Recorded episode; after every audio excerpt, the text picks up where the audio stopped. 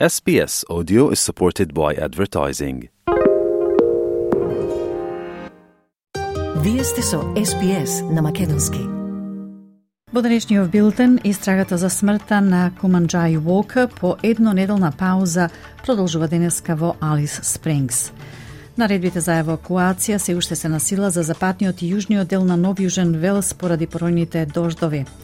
На секој втор австралиец му била потребна поддршка за менталното здравје во последните три месеци. Осуда за отворањето на бугарскиот клуб Цар Борис III во Охрид и од македонската власт и од опозицијата. И Украина допрва треба да ја преземе одговорноста за нападот на единствениот мост кон Крим, што рускиот председател Владимир Путин го нарекува терористички чин.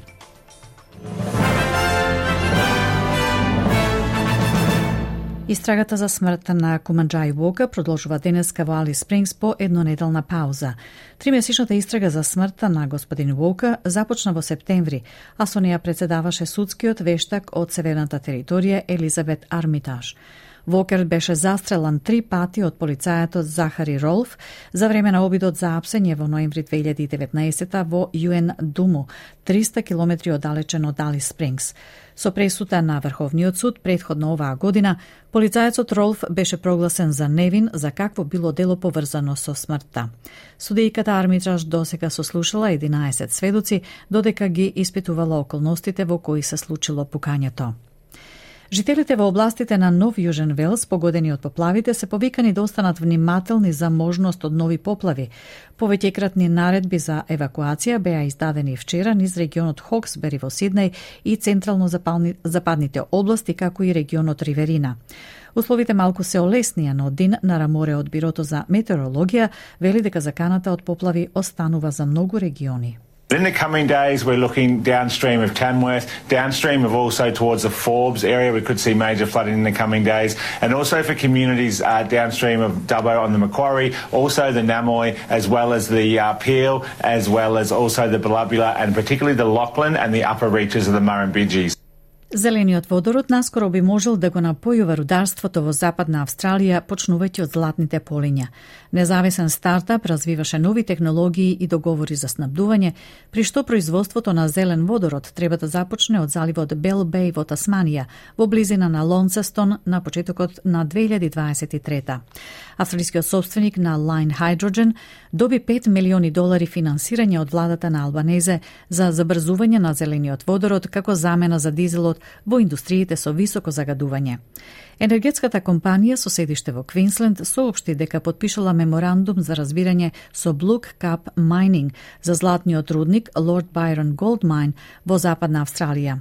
Проектот што треба да започне со развој на почетокот на 2023 година ќе види развиени и тестирани технологии за обновливи извори на енергија на рударската локација, што треба да ги заменат фосилните горива. На секој втор австралиец му била потребна поддршка за менталното здравје во последните три месеци, според историскиот национален извештај за психолошките потреби на австралиците. Во ведното истражување, извештај за нацијата, нарачано од Ментално здравје Австралија, собра информации за секоја возрастна група – вклучително и оние на возраст од 80 години и постари. Извршниот директор за ментално здравје во Австралија, доктор Лин Бигли, вели дека одредени групи доживеале повисоки стапки на ментално лошо здравје и наидувале на повеќе бариери за пристап до услуги. Овие групи вклучуваат австралици од првите нации, LGBTIQ A плюс австралици, регионални австралици и негуватели. Доктор Бигли вели дека истражувањето исто така ја покажува важноста на социјалната поврзаност во намалувањето на ризикот од лошо ментално здравје. Отворањето на бугарскиот клуб во Охрид со назив Цар Борис III најдена осуда од страна на македонските власти. Министрот за надворешни работи Бујар Османи го нарече чинот провокација. Ова име ниту придонесува ниту помага во е, пријателството, разбирањето, диалогот помеѓу народите и помеѓу државите, туку напротив е основа за раздор и нетрпеливост. Отворањето на бугарскиот клуб го осуди и премиерот Димитар Ковачевски. Според него клубот во Охрид е провокација од македонски граѓани кои не сакаат да видат добри односи со Бугарија. Ние и како влада односно јас како премиер и политичката партија на која што сум и председател Социјалдемократскиот сојуз, а, кажавме дека прво го осудуваме и второ дека тоа е единствено провокација на една мала група на луѓе кои што не сакаат да видат добри односи со Република Бугарија. Реагираше и лидерот на опозицијската ВМРО ДПМН Христијан Мицкоски. Според него, интеграцијата на Македонија во Европската Унија од процес на интегрирање станува, цитат, процес на асимилирање. И додека партиите се обвинуваат меѓу себе, почната е постапката за регистрација и на трето бугарско здружение со назив Цар Фердинанд со седиште во Богданци. ТВ Сител од своји извори дознава дека во Централниот регистар веќе се разгледувале поднесените документи од барателот и во овој случај подносителот обезбедил согласност од поранешниот бугарски премиер Симеон Саксо Бургоцки како член на семејството и потомок на царот Фердинанд. Од Централниот регистар за сега нема одговор кој е подносител на барањето за регистрација на вакво здружение. Украина се уште ја нема преземено одговорноста за експлозијата што предизвика делумен колапс на клучната рута за снабдување од Русија до Крим. Рускиот председател Владимир Путин го означи нападот на мостот како терори... терористички напад и ги обвини украинските специјални сили дека го организирале истиот. There is no doubt this is an act of terrorism aimed at destroying critically important civilian infrastructure. This was devised, carried out, and ordered by the Ukrainian Special Services. Пријавени се три загинати, загинати лица во нападот, а руските власти продолжуваат да ја проценуваат штетата на мостот, додека нуркачите ги проверуваат подводните столбови и делот срушен од експлозијата.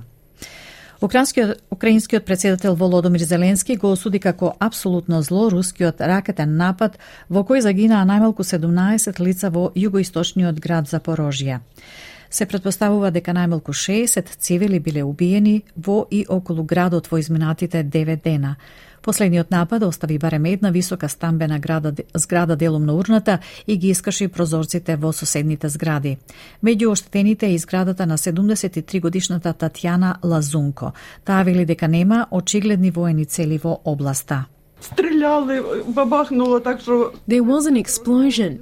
Everything was shaking. We were here in this place. If not, I don't know what could have happened to us. We were here, between the walls, here is a chair, and everything was flying.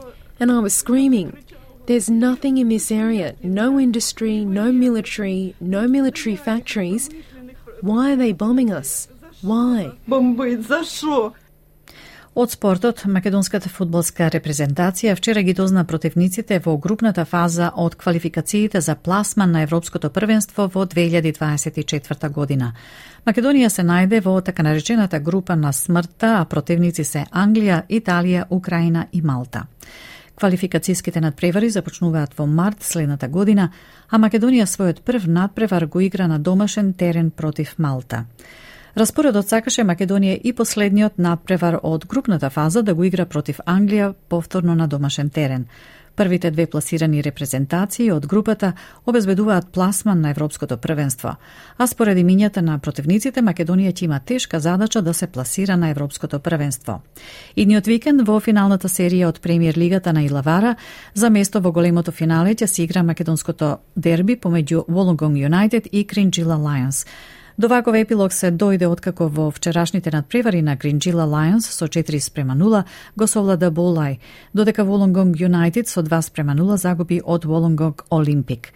Според тоа, Волонгонг Олимпик обезбеди место во големото финале, а вториот финалист ќе биде победникот од надпреварот помеѓу Волонгонг Юнайтед и Гринджила Lions.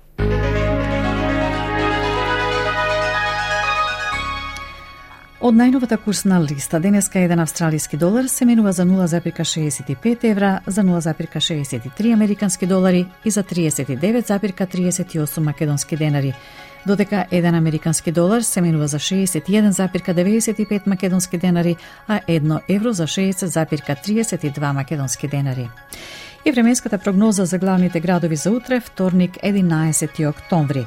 Перт претежно сончево, максималната ке стаса до 20 степен, Аделаид сончево 36, Мелбурн делумно облачно 22, Хобарт претежно сончево 19, Камбера делумно облачно 19, Сиднеј делумно облачно 21, делумно облачно и за Бризбен максимална 23, Дарвин врнежливо 34 и претежно сончево за Алис Спринг со максимална до 36 степени.